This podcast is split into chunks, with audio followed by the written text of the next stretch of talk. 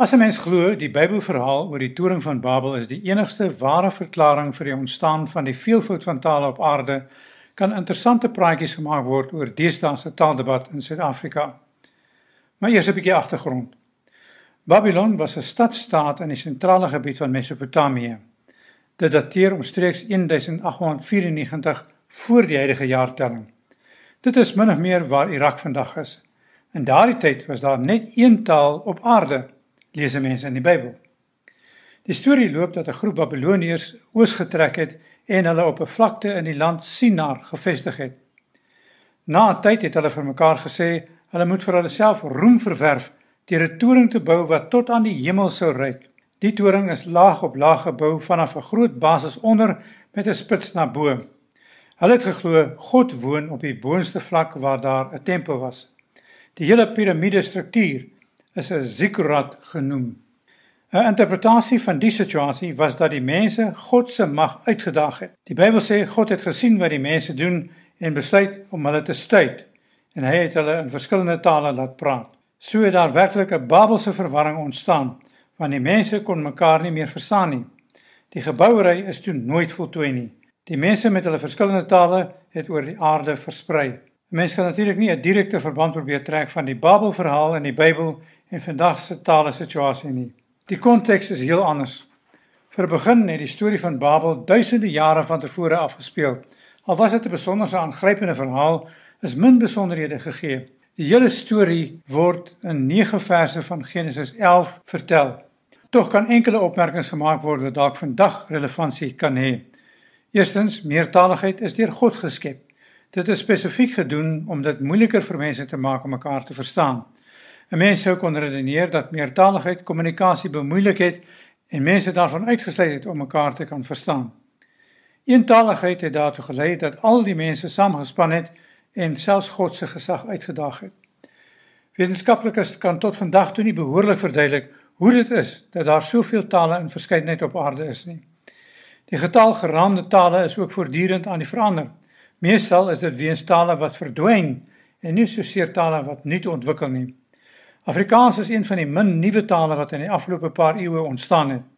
Dit dateer uit die 1400s en het dinamies ontwikkel deur die samebinding van verskeie tale en invloede van die Khoi en San van die Kaap tot Nederlands, Portugees, Maleisies en verskeie dialekte van die ooste.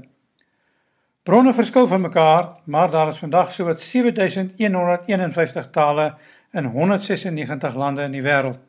Van die totaal van tale word glo 90% gepraat deur minder as 100 000 mense. En elke maand verdwyn daar een taal. Daarteenoor is Afrikaans 'n besonderse taal wat redelik jonk is.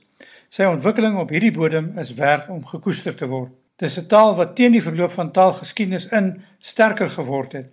Die aansien van Afrikaans het teen veral in 1976 se kant in woelige vaarwater beland. Dis natuurlik weens die Soweto opstand van leerders teen die geforseerde afdwing van Afrikaans as voertaal in alle swart skole deur die regerende nasionale party. Die vryheidsstryd teen apartheid het toe werklik begin vlamvat. So word die taal wat eintlik geen kleur ken nie, steeds gebrandmerk as die apartheidstaal. Hierdie ongelukkige omstredenheid kom nie tot 'n einde nie, soos nou weer op Stellenbosch. Die debat daar gaan eintlik oor rasisme, soos vertolk uit die gebeure by Huis Maree waar 'n wit student op 'n swart student se rekenaar geïroneer het. Toe word Afrikaans sommer weer by die hare ingesleep. In haar kommissieverslag oor die voorval sê regter Sisi Kampepe, die bestuur van die Universiteit Stellenbosch moet dit oorweeg om sy beleid oor meertaligheid te hersien om die moontlikheid van taaluitsluiting deur die voorkeur vir Afrikaans te verwyder. Dis nogals 'n erge voorstel wat noodwendig moet lei tot die aftakeling van Afrikaans as een van die amptelike tale van die universiteit. Die tale is isiXhosa, Engels en Afrikaans. Die universiteit kan vorentoe van meertaligheid tot enkeltaligheid ontwikkel, die omgekeerde proses van wat by Babel gebeur het. Die konteks van die Babelstorie is dat God nie enkeltaliges en meertaliges omskep het bloot om hulle te verwar nie. Dit was om hulle te verhoed om met 'n projek voort te gaan wat tot oneer van God sou strek. Meertaligheid was ook 'n strategie om mense uit te sluit van mekaar op grond daarvan dat hulle nie mekaar kon verstaan nie. Maar meertaligheid as sodanig is nie as ongewens voorgestel nie. Eintlik moet ons almal in Suid-Afrika trots voel daarop dat ons 10 tale van ons eie het. Dis tale wat hier ontwikkel het. Almal word deur die grondwet beskerm. Van al die tale in die land is Afrikaans ongetwyfeld die verste gevorder. Dit het ontwikkel tot die vermoë om uitdrukking te gee tot op tersiêre vlak. Dit is iets waaroor al die taalsprekers ingenome moet wees. Afrikaans is behoort uit hulle pad te gaan om al die ander plaaslike taalsprekers met woord en daad te help met die ontwikkeling van hulle tale. Afrikaans het al ongelooflik baie bereik om 'n skatkis van eie unieke kultuurwerk op te bou. Dink maar net aan die vele Afrikaanse kunstefeeste. Die ironie is dat mense uit al 10 van die plaaslike taalrykdom 'n geneigtheid het om al hoe meer die een vreemde taal aan hierdie bodem en boonop die kolonietaal Engels te gebruik. Ek het by geleentheid die kans gekry om met 'n kenner oor diversiteitsleer in Suid-Afrika te praat. Sy het opgesom dat die twee kwessies wat maar weer en weer opduik, is dat swart mense uitgesluit voel deur die gebruik van Afrikaans in amptelike kommunikasie en klaskamers.